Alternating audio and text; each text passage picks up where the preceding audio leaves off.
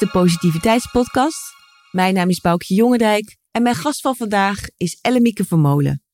Ellemieke begon al heel jong als fotomodel.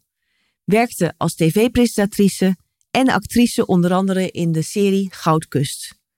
Ze is lifestyle-deskundige en auteur van een aantal kookboeken, waaronder Happy Food. Ellemieke was getrouwd met topkok Sergio Herman en samen kregen ze drie zonen. Vlak voor zijn geboorte en na 39 weken zwangerschap verloren zij hun jongste zoon Joshua. Ellemieke schreef hier haar nieuwste boek over Kom weer in je kracht na verlies.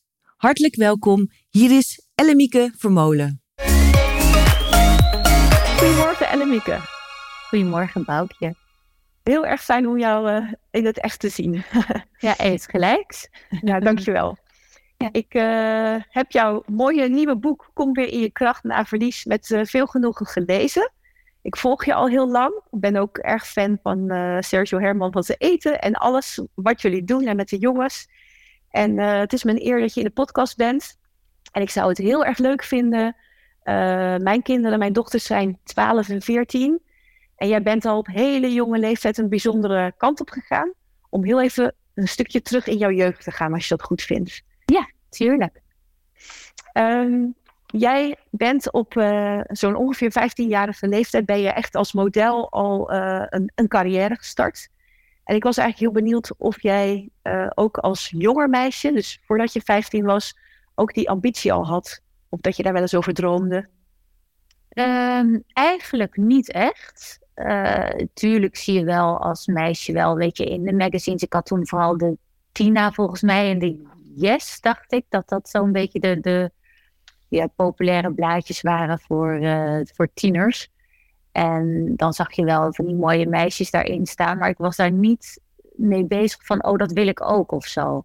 Dat had ik totaal niet. Ik ben in een heel uh, uh, gelovig gezin opgevoed. Dus echt wel met ehm, ja, met de Bijbel, met de kerk. Ik zat ook op een reformatorische school, basisschool. Dus ik moest ook altijd in een rok naar school. En ja, ik moest echt de hele Bijbel uit mijn hoofd leren daar. Dus dan wordt dat stukje ook een beetje afgesneden, omdat dat dan niet er echt bij hoort.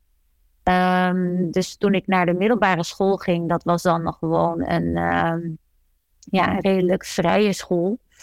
Toen kwam ik wel meer in aanraking, zeg maar, met de wereld ook een beetje. Ja. Ja. En, ja, en eigenlijk in dat eerste jaar werd ik al uh, aangesproken door die uh, fotograaf voor, uh, voor, een, ja, voor modellenwerk. En toen is het balletje wel heel snel gaan, gaan rollen. Ja. Wauw. En wat ja. ik dan best bijzonder vind, als je vertelt uit wat voor gezin je komt, dat dan je ouders daar, die stonden daarachter? Of, of was dat nou, in principe, mijn vader is katholiek en mijn moeder is uh, gereformeerd. Inmiddels is zij wel om, ja, hervormd, dus is wel naar een soort van lichter geloof uh, overgestapt. Um, en mijn ouders zijn uit elkaar gegaan toen ik twaalf was. Mm -hmm. En mijn moeder, die, um, ja, toen ik door die fotograaf zeg maar ontdekt werd, was ik veertien. Zo. En uh, ja, bijna vijftien wel. met vijftien jaar heb ik wel mijn eerste opdracht zeg maar gekregen. En mijn moeder had zoiets van, ja, um, doe het maar. Ga maar op ontdekking. En uh, het is natuurlijk ook wel een soort van droom, weet je, wat er dan uiteindelijk in één keer allemaal gebeurt in je leven. En mijn moeder ja, hield wel toezicht, hè. ze was er overal bij en ze wilde ook natuurlijk mhm. alles weten. Dus ze was echt wel, uh, wel heel uh, een soort van manager in één keer van mij. Zo, zo was het een beetje. En het is allemaal heel geleidelijk gegaan. Mooi. En uh, ja. Was het voor jou ook uh, echt een droom die je binnenstapte? Ja. Was het uh, meteen ja. ook dat je dacht van dit, dit, vind ik, dit vind ik tof, dit ga ik doen? Uh, ja, eigenlijk wel. Ja, ik kwam in zo'n warm bad terecht, ook wat betreft mijn modellenbureau. Die hebben me zo goed begeleid. En ja, een van mijn eerste opdrachten was ook al gelijk het gezicht van O'Neill. Ja, dus dat weet ik ook. Gelijk, ja, het werd echt zo een mega campagne in één keer. En in één keer was ik overal, ja, zag ik mezelf op, op schoolartikelen en posters. En Ja, en het is natuurlijk wel heel cool als meisje van 15 om dan het gezicht van O'Neill te mogen zijn. Echt zo'n beach babe, weet je. Dus ja, ja, ja. Ik, voelde, ik voelde me daar wel thuis met mijn surfplank. Ja. Ja, en ik vind het leuk, want eh, als ik het goed begrijp, surf je ook nog met jouw jongens. En, ja, uh, klopt. Ja. Is, is, is, die passie daar ook een beetje uit voortgevloeid? Of deed je dat al? Misschien is dat daar ergens wel in ge, geïmprint, zeg maar. Hè? Dat zou best ja. kunnen. Ja. Maar ik heb altijd wel, ik, ik voel me altijd wel heel gelukkig bij het water ik heb altijd wel een soort van water uh, in de buurt nodig. Dus dan aard ik ook beter. Dus misschien dat, dat, uh, dat ik me daar ook uh, heel erg fijn voelde, ja. Als het gezicht. Dat wel mooi. Ja. ja, mooi. En dan was je eigenlijk ja, dus heel jong. En, en dan ging je al, al gauw ook richting buitenland. En ja. ging je ook veel alleen. want ik vind dat best wel nou ja, spannend, ook voor die leeftijd. Mm -hmm. hoe vond je dat zelf? In eerste instantie ging ik wel altijd met uh, de hele groep. O'Neill was wel uh, vanuit de Nederlandse basis, zeg maar, met een Nederlandse fotograaf en uh, assistent en ja, stylist en zo en andere modellen. Dus wij reisden wel altijd in groep. Maar vanaf mijn zeventiende, ja zeker zeventiende, ben ik wel alleen gaan reizen. Ging ik wel alleen naar Miami, alleen naar Zuid-Afrika. Um, ja, en dan had je nog geen mobiele telefoons. Nee. Dus dan kwam ik in het hotel aan en dan moest ik mijn moeder uh, faxen. Zo ging dat. Oh, wauw. Want man, of even bellen inderdaad. Uh, had ik ben veilig uh, aangekomen. Ja, zo ging dat toen nog in die tijd. Ja. Ja. En ik kan me voorstellen, dat heeft je, ook je, je hele blik op de wereld geopend. Dus dat is, dat is waanzinnig, denk ik. En je ook internationale contacten opgedaan. Ja. En je talen en zo, heb je dat ook gewoon zelf ja, en, van lief ja. gedaan? Ja, Engels en Duits, dat uh, waren wel de twee talen die ik heel veel sprak. Uh, ik werkte heel veel voor uh, Duitse klanten. Dus ja, we zagen elkaar dan echt wel tien keer per jaar of zo, weet je. Dus het waren echt wel soms tien, twaalf weken dat je dan hè, verspreid over een jaar met elkaar was. En ja, en ook met die andere modellen spreek je natuurlijk altijd Engels ook. Dus wat Ja. dat betreft is het wel een hele mooie leerschool geweest, ja. En eh, ja, je zegt, je zegt zullen ook wel wat lastiger eh, puntjes zijn geweest. Kan, je daar eens iets van zeggen? Dat je, dat je als je nu terugkijkt daarop, van, eh, dat bepaalde inzichten ja, die je nu hebt, dan toen wel fijn waren geweest voor een tiener die dit meemaakt? Ehm, nou, ik, ik, ik was altijd wel een van de serieuze modellen. Dus ik was altijd wel, ik ging nooit echt uit met een groep. Of ja, hooguit even wat eten, maar ik ging nooit echt op stap. Ik was heel erg uh, gedisciplineerd, weet je. Vroeg naar bed, vroeg opstaan.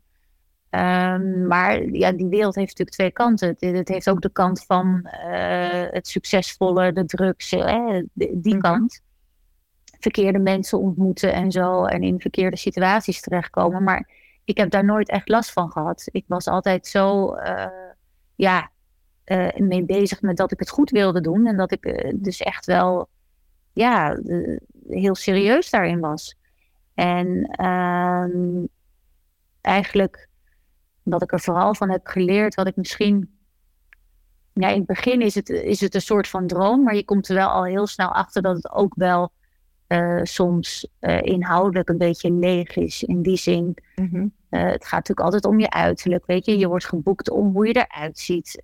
Mm -hmm. Uiteindelijk telt dan ook wel het plaatje mee hoe je bent. Want hè, je kan wel een mooi uiterlijk hebben, maar als je niet fijn in de markt ligt om mee te werken, weet je, je bent heel erg arrogant of zo, ja, dan willen mensen ook niet meer met je werken. Dus vooral de Duitsers zijn heel erg puntlig, hè, zoals ze dat ja, zeggen. En die houden ook echt van, van Nederlandse, de Nederlandse mentaliteit. En vooral Nederlandse meiden ook. Dus het was wel, ik, ik, ja, ik kon wel heel fijn met, met, met ze samenwerken. Omdat ik gewoon ook heel erg het, het, denkpatroon van hun had. Hè? Dat ik gewoon ja, gedisciplineerd was. Ik stond daar eh, fris en fruitig. Maar er waren ook modellen, die gingen de, elke avond op stap. En die kwamen dan 's ochtends daar aan. En die moesten, heel die visagist moest dan helemaal alles bijsminken. Het was een drama. En dan hadden hadden ze, had de klant ook echt wel zoiets van... Oké, okay, die boeken we niet meer, weet je, zo. Nee. En ja, en ik was altijd heel erg... Nou, fris en fruitig, ik ben er, weet je. Ja. Start. ja. Dus dan ben je ook best wel mooi bij jezelf gebleven. Ik ben heel erg dicht bij mezelf gebleven. Ja, ja. ja absoluut. En was dat ja. soms niet lastig dan met vriendinnen die je daar dan ook had... die dan wel helemaal die andere kant op sloegen? Dat ze je... Ja, het lijkt me ook soms ook lastig als ze dan zeggen van... joh, wat ben je serieus of uh, gefocust? Ja. Ja, dat dan ook wel eens in de groepsdruk uh, nou ja, een bepaalde dynamiek kan geven. Ja, zeker. Ik was altijd wel een van de eerste die naar huis ging als we dan ergens naartoe gingen of zo. En dan gingen zij nog door en dan uh, kwam er drugs in het spel. En ik had zoiets van, ja, dat heb ik allemaal niet nodig. En ik heb er ook geen zin in. Ik moet morgen om zes uur weer eruit. Tot ziens. Veel plezier allemaal nog. Ja, maar ik had daar dat... Nee, uiteindelijk kreeg ik daar juist wel respect voor.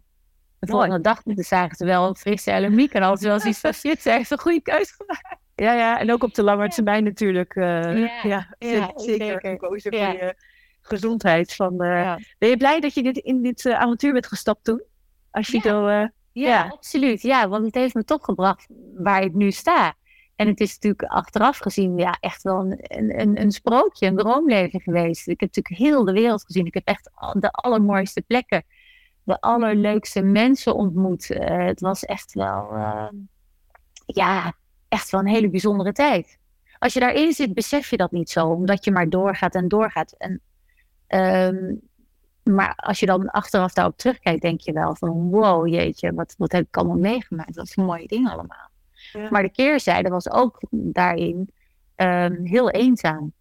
Ik miste alle verjaardagen van mijn vrienden thuis, uh, de verjaardagen ja. van mijn ouders. Uh, ja, ik was altijd alleen op reis. Dus het was ook wel een soort van eenzaam bestaan. Dat ook ja. wel. Ik was altijd alleen in hotelkamers. Ja, je moet het dan maar weer doen, weet je, op als meisje ja. van... Uh, en jezelf ook vermaken. Ja. ja. en jezelf ook vermaken, ja, absoluut. Ja. Wat ik heel mooi vond, uh, want je zei net ook, het was soms wat leeg, hè, van de buitenwereld en de, de, binnenwereld, die had ook voeding nodig. ik heb ergens in een ander mooi gesprek van jou gehoord, dat jij vaak ook al boeken bij je had. En uh, het leuke is natuurlijk dat je nu zelf ook schrijft en ook steeds meer richting persoonlijke ontwikkeling gaat. Ja. We hebben ook die boeken ook een soort van gezelschap gebracht in die periode dat nou ja, soms wat leeg was als je moest wachten. Of ja, niet meeging uh, ja. uit. Ja. Of... ja. ja, je moest tijdens zo'n fotoshoot ook wel vaak wachten. Hè. Dan ben je bijvoorbeeld met vier andere meiden en dan is eerst de een en de ander. Dus dan zit je soms wel eens een uur gewoon in zo'n motorhome te wachten. Dus ja, ik had altijd boeken mee. Ik was altijd wel aan het lezen. En uh, um, dat was wel de periode dat ik mezelf ook wel goed kon ontwikkelen. En ook met andere meiden. Som, sommige meiden waren ook heel erg spiritueel. waren ook bepaalde boeken aan het lezen. Of we hadden een bepaalde ja, filosofie over het leven. Dus daar kon ik wel mee uitwisselen. En dat vond ik wel heel mooi om te doen. Ja, ja le leuk dat je ja. toen ook al, uh, ja, dat je toen ook al gewoon die weg ja. wandelen was. Ja. Mooi om te zien. Ja. Van, uh, ja. Leuk. En toen was op een gegeven moment heb je de stap gemaakt naar de, nou ja, de televisiewereld. Hè? Van uh, presentatrice en uh, ook actrice in onder andere Goudkust. Um, wat, wat was uh, de eigenlijk, ja, wat, wat bracht jou daar? Want op een gegeven moment heb je gezegd van er mag wel meer inhoud ook komen qua tekst of. of Ja, ik wilde eigenlijk meer mijn stem laten spreken. Mm -hmm. En ehm, ik ben toen de, de toneelschool gaan doen in Amsterdam. Oh. Omdat ik dacht, ja, ik, ik, moet, ik kan wel, ik wilde heel graag acteren, maar dan moet je natuurlijk toch wel een bepaalde basisprincipes uh, weten. Dus ik ben het aantal cursussen ook uh, gaan volgen daarin. En dan de toneelschool ben ik gaan doen. En um, daar kwam dan de Schoutkust uit voort. En ja, dat is ook weer zo'n droom van een meisje. Wow. Hoe oud was ik? 21, 22 toen ik daar ging spelen. En dan denk je toch ook wel, oké, okay, dit is me gewoon weer gelukt, weet je. Je hebt dan een visie, hè? je wil iets. En ja. um, je gaat er moeite voor doen. En dan komt dat toch ook weer op je pad. Dus dat zijn ook wel weer dingen dat ik dacht, wauw, uh, ja, als je erin zit, besef je dat eigenlijk niet zo. Dat is heel gek, maar als je er dan mee stopt en dan er weer op terugkijkt, denk je, oké, okay, ik heb gewoon even in een soapserie mogen spelen. Ja, en het zijn uh, eigenlijk ook wel logische stappen. Logische stappen die je dan uh, achteraf, als je ja. de dots achteruit, ja. dat je dan toch ziet dat het allemaal ja. een, uh, een bepaalde opbouw ja. had. Dat is wel heel leuk. Van, en het is van Goudkust de overstap naar SBS natuurlijk. Hè. Daar gaan presenteren, programma's gaan maken. En ja, als je ook dat klussen, klusprogramma. Klussen en wonen, ja. Ja, ja, ja nou, ik, ik doe hier alles zelf thuis. Dus uh, ik draai me altijd niet voor voor een borrel of wat dan ook. Nee, ik ben heel handig inmiddels, ja. Ja. Nou, um, als ik het uh, goed begrijp, was jouw vader vroeger kok. En uh, je hebt op een gegeven moment natuurlijk ook uh, Sergio Herman, topkok, ontmoet. Ja. En um, Ik was heel erg benieuwd, want je bent ook hele leuke, mooie kookboeken gaan maken voor families. En ook Happy Food en Happy Shake. Allemaal hele leuke, vrolijke boeken met fijne ingrediënten en fijne recepten. Hm. Had jij ehm, ja, toen je in je modellenwereld was, werd er waarschijnlijk vaak voor jouw eten gezorgd. Maar ik was benieuwd, waar is ergens die passie voor jezelf met dat koken ontstaan? Of was dat al omdat je uit zo'n gezin kwam van de horeca? Ja, ja dat is wel uit, uit, mijn, uit het gezin waar ik vandaan kom wel ontstaan. Mijn broer is ook kok. Die heeft oh, ook altijd een restaurant gehad. Dus ja, het is echt met de paplepel ingegoten. Ja. En mijn moeder kan ook heel goed koken. Dus ik kreeg dat van huis uit wel mee. En toen ik op mezelf ging wonen, maakte ik ook altijd al wel leuke gerechten. En vond ik het altijd heel leuk als mijn vriendinnen kwamen eten. Weet je, dat ik dan iets extra's, weet je, meer mijn best kon doen. Dus het zat er altijd al in, ja. En die, die kookboeken zijn eigenlijk ontstaan doordat ik, uh, toen ik met, uh, met, met Sergio trouwde. En ik natuurlijk verhuisde van Amsterdam naar uh, Knokken. Uh, en dan op een gegeven moment het werk in Amsterdam, ja, dat het gewoon met alle kinderen, dat ging gewoon op een gegeven moment niet meer. Dus ik moest iets anders gaan, gaan, gaan zoeken. Ja. En nou ja, koken is natuurlijk sowieso al een, eh, een passie van mij. En ik kreeg mm -hmm. altijd de vraag van, goh, weet je wat een, of eigenlijk meer de opmerking van, jeetje, wat uh, een komt ben jij. Hè, wat zal jij lekker eten? Drie sterren niveau. En wow, wow, wow, ik zou ook wel zo'n man willen. En toen dacht ik, ja, nou, die man van mij, die kookt nooit thuis, hoor. uh, ik ben degene die kookt. En dan zegt ze iets van, maar kook jij? En maar wat maak je dan? En ik zei, ja, zo gezond mogelijk. En eigenlijk ook wel zo simpel mogelijk. Dus iedereen was zo verbaasd dat ik kookte. En dat ze echt zoiets hadden van, wat maak jij dan klaar? Dus toen dacht ik, hmm, misschien moet ik al die recepten die ik thuis maak, eens in een boek stoppen. En zo is eigenlijk uh, het eerste boek ontstaan. Ja, ja het is ook grappig dat je dan ook vanuit je familie en dan uh, uh, allerlei koks om je heen, ja. die dus bezig zijn nou ja, op, op topniveau of ander niveau. En dat jij dan eigenlijk zorgt voor de innerlijke mens en de motor van je eigen gezin om te zorgen dat ook Sergio kon presteren en dat je kinderen leuk. Dan ben je dus eigenlijk allemaal op een andere manier met, met hetzelfde met, bezig. Met hetzelfde bezig. ja. Heel erg leuk. En nou heb jij een aantal boekjes, uh, heb je ook met Happy uh, gestart. Dus daar word ik altijd heel blij van. ja. En um, kan jij ons vertellen uh, welke invloed ook voeding op je, nou ja, op je emoties kan hebben of op je, nou ja, op je innerlijk? Nou ja, voeding is, dat, dat onderschatten mensen gewoon wat voeding eigenlijk voor je lichaam doet. Um, voeding wordt gewoon, kun je gewoon zien als een medicijn.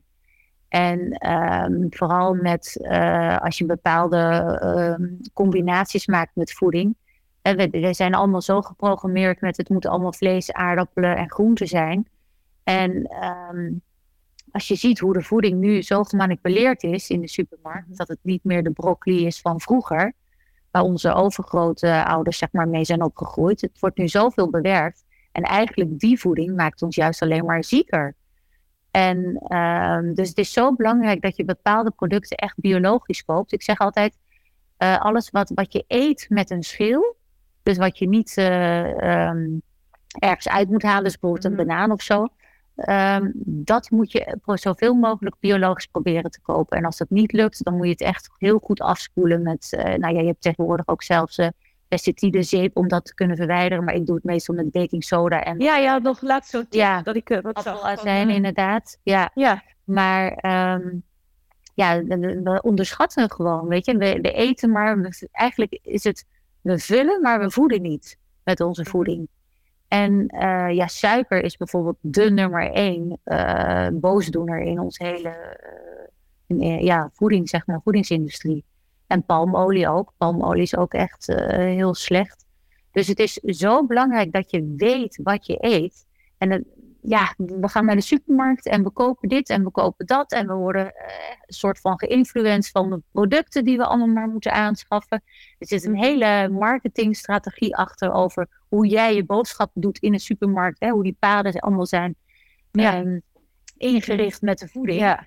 En op ooghoogte wat er staat en wat eronder en erboven. Dus ja, we zijn zo uh, eigenlijk in hypnose als we in de supermarkt rondlopen. Ja. En daarom adviseer ik ook altijd wel, lees die etiketten. Weet je, kijk wat erop zit. Je hebt tegenwoordig ook apps om etiketten te kunnen scannen, waar bepaalde verboden, hè, of verboden, waar bepaalde slechte producten in zitten. Het wordt ook allemaal verstopt in bepaalde E-nummers die we helemaal niet weten wat, waar het voor staat. Dus een kleine research en een kleine basis uh, om je daar zelf een beetje in te ontwikkelen is zo waardevol. En uh, ja, uh, we eten ook veel meer dan vroeger. We zijn zo mhm. gewend om de hele dag door eigenlijk maar te eten. En, eh, en, en, en de porties zijn in één keer veel groter geworden. Dus ja, een goede truc vind ik ook altijd is eet van een klein bord. Dan lijkt het alsof je heel veel eet. Je voelt eigenlijk een beetje je hersenen daarmee. Ja, ja. Leuk. Ja, ja, maar dat zijn wel allemaal kleine trucjes die dan heel goed werken. Ja, ja het is ook wel uh, bijzonder hoeveel invloed het ook heeft op je, ja, op je mind en op je gemoedstoestand. Ja, nou, ons hele hormoonstelsel wordt gewoon uit balans gebracht door onze voeding. En we denken vaak van, oh, ik heb hoofdpijn, oh, ik heb buikpijn, of oh, ik heb hier ergens last van maar hoge bloeddruk of hoge cholesterolgehalte. Het is allemaal voeding en stress. Dat, is, dat zijn de twee factoren die ons uit balans brengen. En als we die uh, onder controle kunnen krijgen, dus als je weet wat je eet, hè, dat je daar meer mhm. bewust van bent en dat je uh, stress uh, reduceert uit je leven, eh, hè, dat je goed leert ontspannen. Um, ja, dat is denk ik de key naar een, een, gezond lichaam en een gezonde mind. Ja. ja. Waar ik me ook aan doe, denk ik, hoorde van de week ook dat in kloosters vroeger ook de kok een van de belangrijkste ja, personen was. Omdat hij ook moest zorgen voor de, ja, voor de voeding en ook de geestelijke voeding van de mensen daar. En dat, ja, dat, is natuurlijk in feite wat we in onze kleine samenlevingen of gezinnen of, of, of, mm. of, of, voor jezelf in feite ook uh, ja, zouden moeten doen. Eigenlijk wel, maar we zijn, we zijn zo allemaal zo druk, druk, druk, druk, druk, druk, druk. En uh, wat, wat schiet er dan bijeen? Ja, het eten maken s'avonds. Dus wat doet men? Men koopt kant-en-klare maaltijden. Maar zonder te weten wat er in die kant-en-klare maaltijden zit. En het is gewoon echt uh, een kleine moeite om gewoon al, al, al, al, eet je aardappelen de ene dag, die aardappelen de volgende dag zijn ook nog goed, weet je? Of rijst. Ja. Of, zorg gewoon dat je het een beetje uh, kunt programmeren, zeg maar. Je kunt inplannen voor jezelf dat je genoeg gezonde voeding ja, dus zeg maar eh, heel snel klaar hebt voor jezelf. Ja, ik vind dat ook fijn met jouw recepten, want dat is ook een kwestie. Het, is, het, het vergt toch vaak uh, een kwestie van voorbereiding. Als het over bijvoorbeeld ja, jouw bananencake, dat, dat, ja. als je dat maakt, dan kan je er best een paar dagen mee doen voor tussendoor. Ja. En, de, en de recepten zijn ook allemaal, ja. Nou, ik hou ook niet van, je bent niet uren bezig, nee, laat ik het zo zeggen. Ik niet van lang in de keuken staan. Bij mij gaat het ook allemaal snel, snel, snel, snel, snel, maar ik wil het wel gezond. Ja, dus uh, de, recepten die, ja, de recepten die in mijn boek staan, dat, dan sta je echt niet langer dan een half uur in de keuken. Want nee. dat sta ik ook niet te En heb jij bepaalde, heb je een aantal basisprincipes? Want jij maakt natuurlijk voor, voor jezelf en, en je gezin en voor vrienden, maar je maakt ook voor, voor nou ja, voor uh, uh, in je kookboeken. Heb je dan bepaalde dingen die je zelf heel belangrijk vindt, die erin zitten, of, of juist niet? Of je hebt, geeft natuurlijk net al aan dat waar komt het vandaan heel belangrijk is. Ja, nou ja, ik vind vaak, uh, we hebben allemaal voedselintoleranties uh, tegenwoordig. En je kunt je ook afvragen waar dat vandaan komt. Uh, Auto-immuunziektes, weet je, spelen veel meer uh, in deze tijd dan vroeger. Ehm, ik denk dat het echt met de bewerkte voeding te maken heeft. En, en vooral richt ik mij dan op de kinderen. Als ik zie dat kinderen heel erg druk zijn, hè, die krijgen heel, heel snel het label ADHD. ADHD. Mm -hmm. en, en dat zijn ehm, Um, dat zijn prikkels die, die kinderen krijgen door de drukte om hun heen, maar ook door de suikers die ze binnenkrijgen. Als jij ze op een voedingpatroon uh, zet met zo weinig mogelijk suiker, dan zul je zien dat die kinderen ook veel rustiger zijn. Uh, obesitas is de nummer één ziekte in Nederland. Nou, toen ik dat las, daar schrok ik gewoon van. Dan denk je, hoe komt dat, weet je? Nou, hoe dat mhm. komt, Kinderen bewegen gewoon bijna niet meer. Zitten heel de dag op een stoel op school, maar zitten ook heel de dag thuis op een stoel te gamen. Logisch. Ja. En onder tijdens het game is de chipje, een sneaker en weet ik het allemaal wat ze naar binnen werken. Het is gewoon niet meer gezond. Dus bij mij is het zo, als ze thuiskomen, het eerste wat er altijd al automatisch gewoon klaar staat, is een, grote schaal met um, rode paprika. Want daar zit heel veel vitamine C in. Veel meer vitamine C dan in de sinaasappel. Uh, ja, commissie. Nee? Oh, nou ja, oh, grappig. Ik dacht, oh, dat ga je wel weten. Nee, mensen denken altijd de sinaasappel, hè? Sinaasappelen en uh, vitamine C. Maar als je dat eigenlijk in een glas sinaasappelsap, dat is bijna jezelf vergiftigen. Want die vitamine C die daarin zit, is zo laag gedoseerd. En het is eigenlijk een glas suiker wat je drinkt. Dus het is, ja, echt, sinaasappelsap is echt niet zo gezond. De hele sinaasappel kun je dan beter eten. Want daar zitten dan nog de vezels, uh, vezels bij in. Dan een glas sinaasappel. Dat zijn denk ik iets van nou ja, het is oké, het zijn natuurlijke suikers, maar het, zijn wel, het is fructose, het zijn wel fruitsuikers. Dus je glucose gaat enorm, je eh, krijgt een enorm ja. Dus mhm. een rode paprika zit oh, tien keer meer vitamine C in. En uh, is echt veel gezonder ook. Uh, en komkommer en tomaatjes krijgen ze bij mij hier als eerste. Nou, en als ze dan daarna nog trek hebben, dan is het een rijstwafel met ja, met, met, iets erop wat ze lekker vinden en, en een koekje. Of jouw lekkere bananenbrood. Of mijn bananenbrood. Ja, inmiddels het duurde even voordat ze dat lekker vonden, maar inmiddels vinden ze dat wel lekker. Vooral als ik er dan uh, van de blueberries in doe. Ja, heerlijk. Leuk. Ja. Leuk. Nou, dan wil ik eigenlijk heel graag. Uh, je, hebt dus, je bent eigenlijk begonnen met uh, ja, hele mooie kookboeken. Je hebt, nou, naast alles wat je hebt op een gegeven moment ook heel erg bewust gekozen van, nou, ik doe in de, de, de de, de droomwereld van de, de, televisie en het mode gebeuren, doe ik een stap terug. Ik, ik ga me wat meer uh, thuis uh, bezighouden. En daar zorg ik dat alles goed komt. En ik, nou, je bent heel, heel, blij een, een, een, ja, een moeder geworden ook. Van ja. eigenlijk drie zoons, waarvan ja, ja helaas jullie derde zoon het niet heeft gehaald. En, en na 39 weken zwangerschap net voor zijn geboorte is overleden. Nou, su super heftig en verdrietig. En uh, ik, uh, ja, wil je daar nog wil je daar iets over vertellen wat er is gebeurd? Van... Ja, zeker. Um, vanaf welk moment wil je het horen? nou, eigenlijk van uh, dat mensen, kijk, mensen kennen jou heel veel van, uh, nou toch wel het, het, het, snelle plaatje, zeg ik even, mm -hmm. van uh, inderdaad een fantastisch krachtige mooie dame. Die, ja, modellen, ja, noem maar op. Maar je bent nu mm. ook een hele, voor mij heb je een hele mooie kwetsbare kant laten zien. Ja. Na ook iets heel tragisch. Maar ja. je bent wel bereid geweest ook dat met de wereld te delen. Dus dat, ja, dat is ja. heel bijzonder. En ik, daar hebben volgens mij heel veel mensen iets aan. Want je inspireert ook om vervolgens weer op te staan terwijl je eerst helemaal down bent. Dus misschien is het gewoon je hoeft niet het hele bouw te vertellen, maar wel even dat het is misgegaan. En, en volgens ja. mij kwam het ook als een, uh, ja, als, als, als, als een grote, ja, het kwam heel onverwacht, volgens mij. Ja, klopt. Uh, ben met 37 weken uh, was ik bij mijn gynaecoloog en die ehm, had een check-up gedaan en nou, alles was allemaal goed. En hij zei, ik ga op vakantie twee weken. Dus het kan zomaar zijn dat ik jou dan niet kan begeleiden tijdens je bevalling. Mhm. En um, toen zei hij nog van, wil je dat ik het nu opwek? Ja? Wil je dat ik het haal? Uh, toen dacht ik, nou nee, daar, dat, zo ben ik niet. Weet je, ik geloof heel erg in de kracht van de natuur. En mijn andere twee jongens zijn ook op de natuurlijke manier gekomen. Dus ik vind als een kind daar klaar voor is om op deze wereld te komen, dan geeft hij dat wel aan. Um, dus ik zei ook van nee hoor, dat is prima. Ga maar gewoon met een gerust hart uh, op vakantie. Dat komt allemaal goed. De andere gynaecologen in het ziekenhuis ken ik ook allemaal.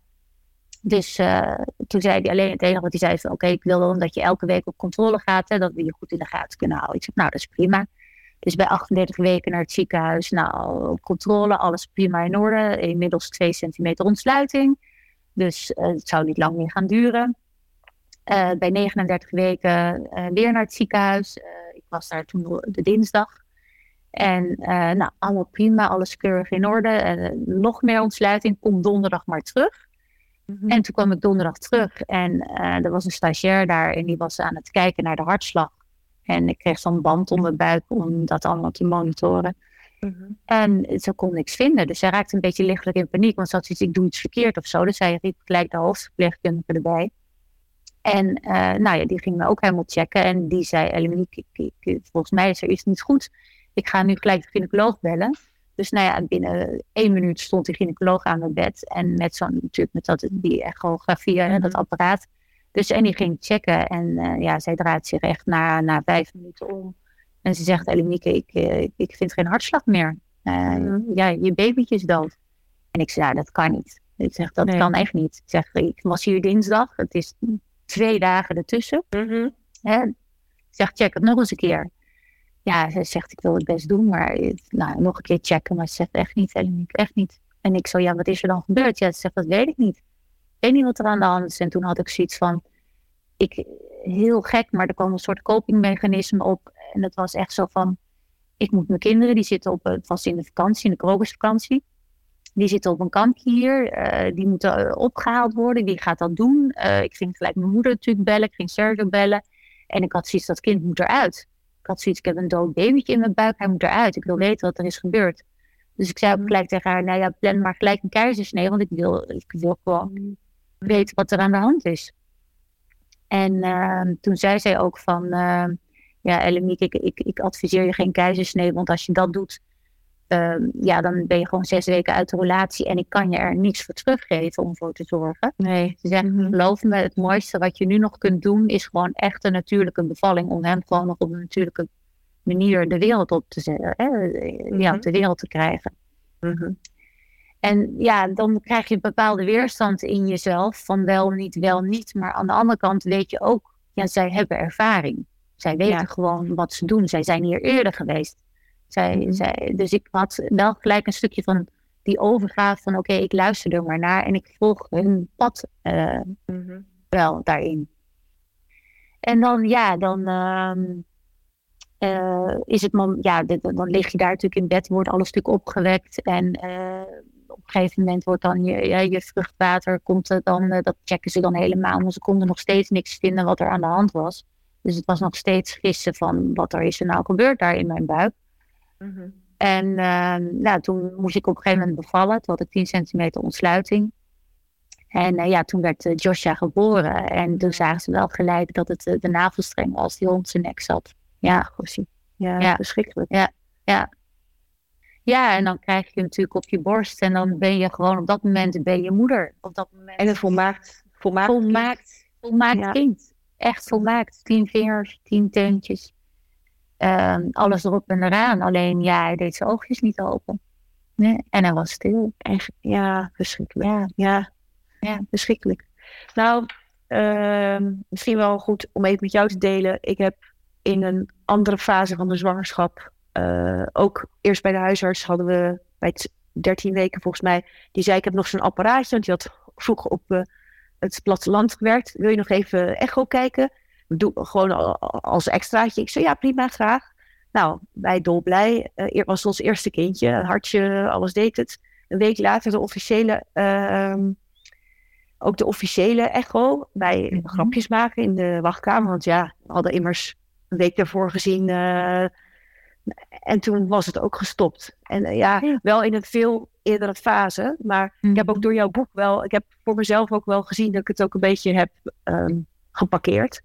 Eh, weggestopt, weer hard gaan werken. Ehm, dus jouw boek was voor mij ook wel ehm, ja, mo- heel mooi. Ik heb van twee hele dierbaren om mij heen, die hebben eigenlijk zo'n verhaal als jij volmaakt volgroeid kind en het Mhm. niet levend mogen eh, omarmen.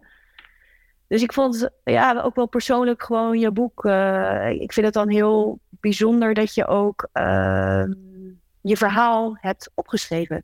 Want ik ben best wel een dagboekschrijver. Maar ik merk ook dat ik dit verhaal best wel, nou ja, best wel, eh, niet heb opgeschreven.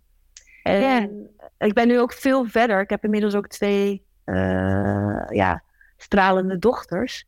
Maar ik merk wel dat ik het ehm, door je boek eigenlijk op een hele fijne manier. ja, Het is niet fijn, eh, wat je net ook vertelt, is natuurlijk vreselijk. Maar ik vond wel, ehm, ja, ook wel fijn om even er sti- bij stil te staan. Wat ik ook wel zelf op mijn eigen manier doe, met bij een boom die we in de tuin hebben en dat soort dingen. En door, door er af en toe over te praten. En jij zegt ook, ja, we hebben drie zoons. Dat vind ik ook altijd gewoon heel mooi. Dat is toch een ziel. Maar ehm, waar heb je, want ja, je bent, je staat ook op de kaft van, misschien is het ook wel, als ik het mag, eh, heel mooi om voor te lezen. Je zegt van het verliezen van een kind is onmenselijk. Het verdriet is alles overheersend en de pijn lijkt ondraaglijk. Lijkt.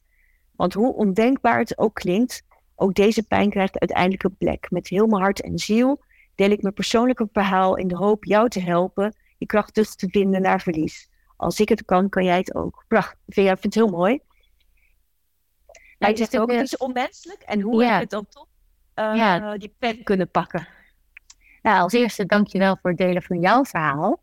Hè? Mm. Want het boek is, het, is, het, is natuurlijk ook echt bedoeld voor mensen die, uh, en het maakt niet uit in welk stadium uh, je was van je zwangerschap.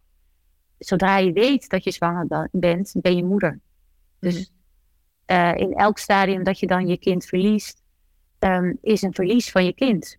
Mm-hmm. En mensen, ik vind dat mensen daar te luchtig nog mee omgaan in de zin van, oh ja, maar ik was maar twaalf weken of ik was maar zes weken of ik was maar veertien. Ja. Het maakt niet uit. Het gevoel is hetzelfde. En uh, je kunt ook niet zeggen wat nou erger was. Of er zijn mensen die nu een kind verliezen op, op één jaar, twee jaar, drie jaar. En dan denk ik, ja, dat is nog veel erger dan wat ik heb meegemaakt. Mm-hmm. Dus um, het gaat gewoon om het stukje verlies, dat dat voor iedereen hetzelfde gevoel is van dat verlies. En dat je dat niet zomaar moet parkeren, maar dat je dat juist moet om, omarmen. En dat je juist inderdaad door die pijn heen moet. En, en wat je zegt, wat mij dan heeft um, doen uh, besluiten om het boek te schrijven. In eerste instantie wilde ik het schrijven voor mijn jongens. Omdat ik dacht, uh, ze zijn nog zo jong, ze gaan dat zich nooit meer zo goed herinneren. Ik zelf misschien ook bepaalde details niet meer, dus ik ga alles opschrijven. En mede daar ook van me afschrijven. Ja. Um, toen ben ik begonnen met schrijven en toen heb ik het ook op een gegeven moment weer weggelegd. Toen dacht ik, nou oké, het is oké zo, ik laat het even hierbij. Het was ook heel heftig eh, op dat moment om dat allemaal in die kleine details neer te zetten. En ik kreeg zoveel mails en zoveel DM's van andere vrouwen die het ook hadden meegemaakt. En ja, hoe ga jij er dan mee om en wat doe jij dan? En heb je tips? En, en ik dacht echt bij mezelf zoiets van, ja, ik kan al die mails niet steeds beantwoorden. Dat is gewoon een dagtaak. Mhm. Toen dacht ik, ik ga dan, dan toch maar gewoon mijn verhaal maar weer helemaal opschrijven. En ik ga er een boek van maken. Mhm. En um, toen ik dat had besloten, um, ging ik ook schrijven met zijn foto bij mij en een kaarsje brandde ik dan. En ik kreeg gewoon letterlijk de woorden van hem door. Dus echt, ik, mhm. ik ging zitten, ik ging typen. Nou, ik heb ooit mijn diploma gehaald, dus ik kan blind een voordeel. ja, dus ik ging echt letterlijk zitten daar met mijn ogen dicht. En ik zeg, nou kom maar Josje, wat moet ik, eh, wat moet ik neerzetten? En dat stroomde. Dat was gewoon, ja, een en al alignment. En dat was zo magisch en zo bijzonder, dat ik ook dacht, dit boek is uh, voor zoveel vrouwen uh, een, een soort van liefde een soort van warm bad waar je. Ja, dat voel je ook. Ja. ja, het is eigenlijk, ik sta op voor iedereen die dit heeft meegemaakt. Zo een beetje dat gevoel. Ik laat mijn stem nu spreken uh, voor mensen die dit hebben meegemaakt. Want ja, ik, ben, ik, ik heb het meegemaakt, maar er zijn miljoenen mensen die het hebben meegemaakt. En dat gevoel van je bent niet alleen.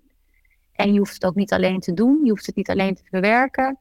Uh, gewoon die steun, die liefde, die kracht. Uh, wilde ik heel graag uh, aan, aan, ja, aan iedereen gewoon meegeven. Dat is ook een beetje mijn zielsmissie van, je komt er weer uit. Het is, het is een periode, weet je, het is een rouwproces, maar de keuze ligt natuurlijk bij jezelf, maar je, je kunt daaruit raken. Je kunt weer gelukkig zijn. Je kunt echt weer genieten van het leven. Ja, ja. ja ik vind het, maar dat, is, dat is heel goed gelukt, kan ik je zeggen. Dankjewel. Ja. Mooi. En um, het, uh, wat ook heel fijn aan het boek is, want dan ga ik even er wat uh, vanaf. Dit, dit was gewoon, dat raakte me persoonlijk, maar wat ik dan ook fijn vind, ook voor ook anderen, is dat je, je bent allereerst heel openhartig over dat het ja, jou ook kan overkomen. Dat is gewoon, dat is gewoon doordat het zo in detail is en zo openhartig, dan laat je ook wel heel veel van jezelf zien. En dat is, dat is wel heel mooi. En dat is ook, je laat mensen toe. Mhm. En je geeft ook een inkijk in, uh, ja, je zegt het heel mooi met uh, de woorden um, uh, healing journey die je hebt, af, self-healing journey die je hebt afgelegd.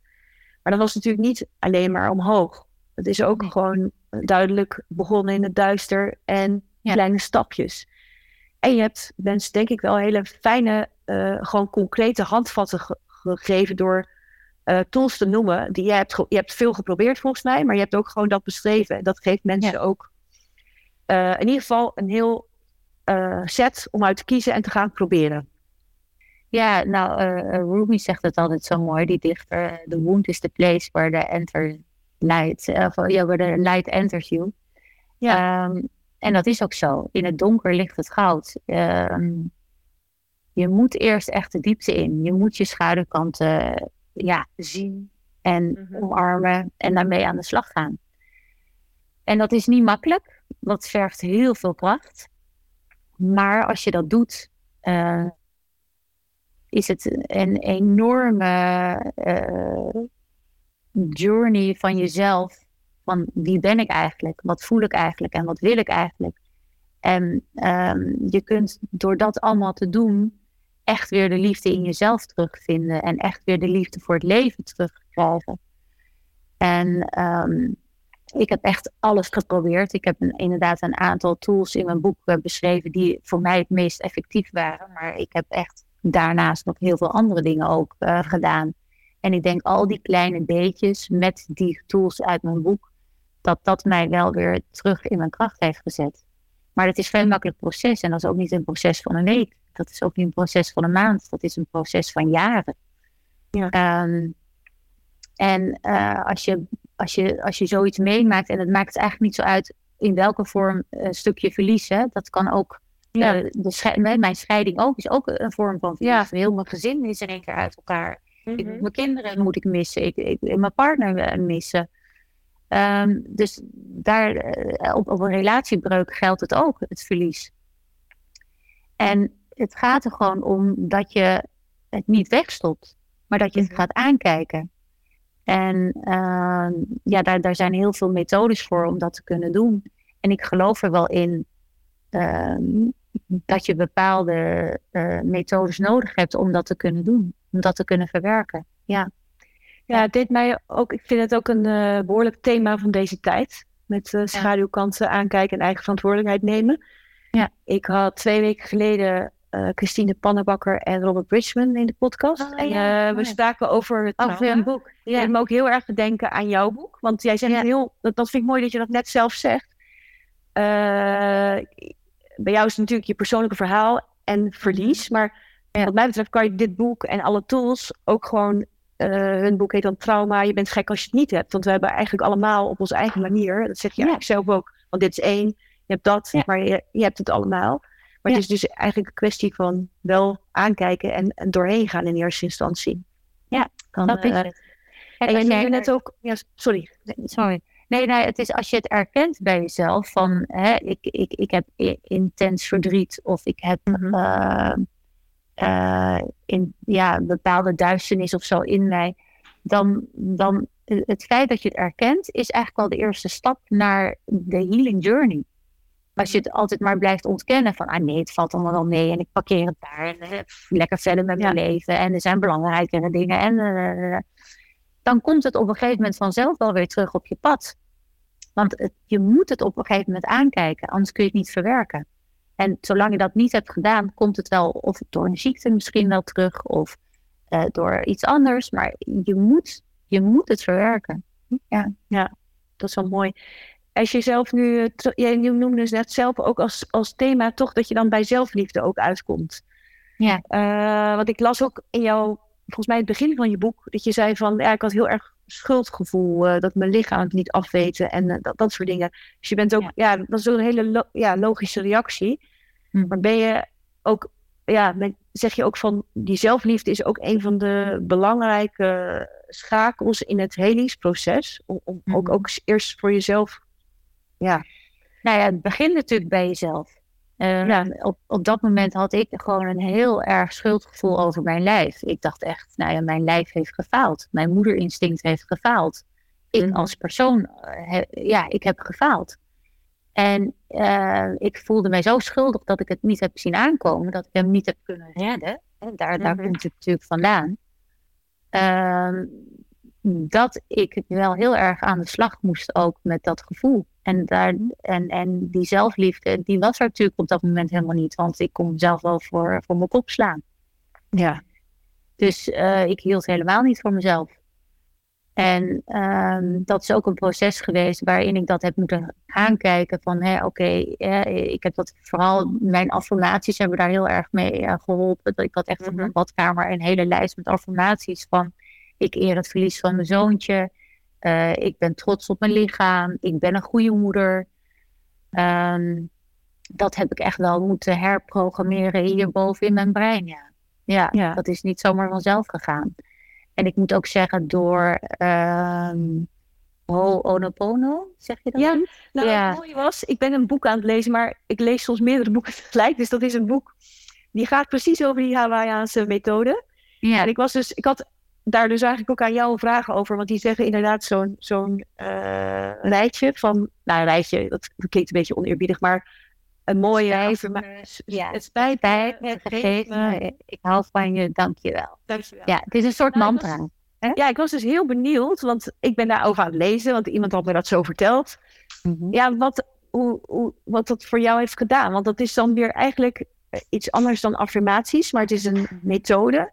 Ja, ja. heeft het je geholpen? Ja, dat heeft mij ook enorm geholpen. En eigenlijk die vier zinnen kun je ook op alles toepassen. Op alle, ja alle tegenslagen in je leven, maakt niet uit wat. Daar kun je mhm. gewoon die mantra voor steeds voor blijven zeggen. En dat uh, reinigt enorm. Dat, dat bevrijdt enorm. En dat is niet als je dat de eerste keer zegt, hè, van uh, het spijt me, vergeef me, ik hou van je, dankjewel, het spijt me, vergeef me, ik hou van je, dankjewel.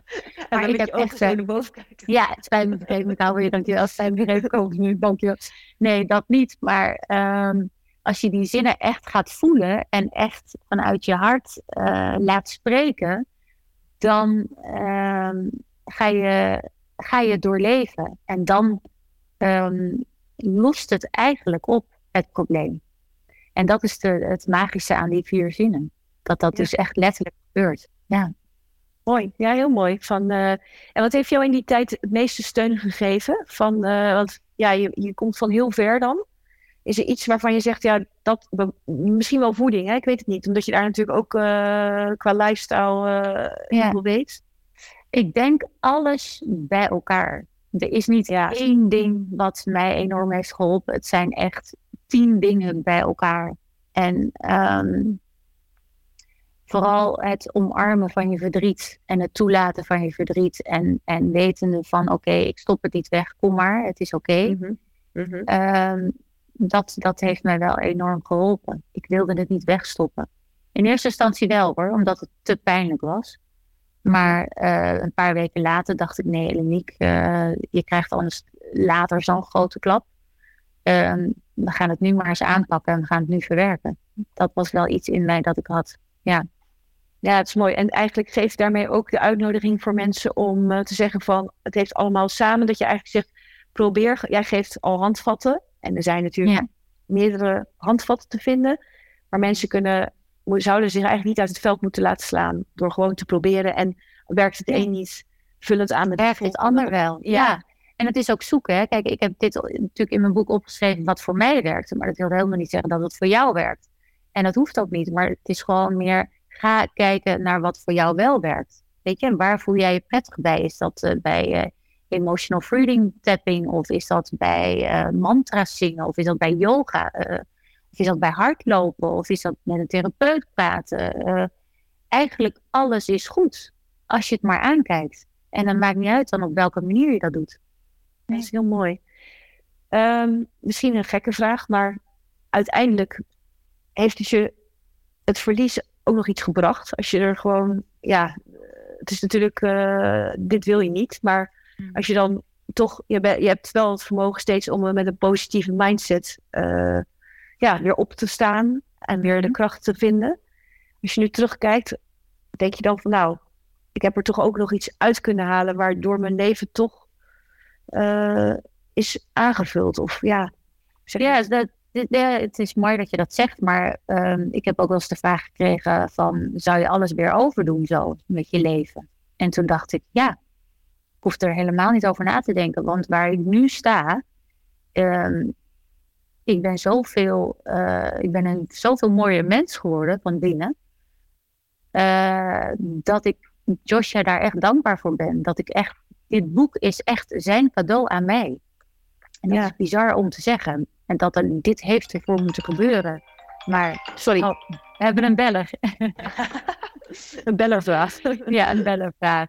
Nee, dit heeft gewoon moeten gebeuren. En, en het heeft mij, uh, ja, het heeft mij echt verrijkt. Echt verrijkt.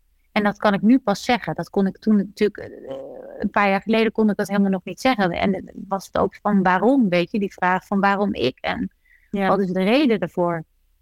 Maar nu zie ik het echt als een cadeau. Dat ik dit nu, mijn boek de wereld ingaat. Uh, dat ik hiermee vrouwen bereik die uh, de tools uh, toepassen. Of die gewoon alleen al de warmte en de liefde mogen voelen van mij. Ja, dat is, dat is alles. Dat is, dat ja, is zo mooi.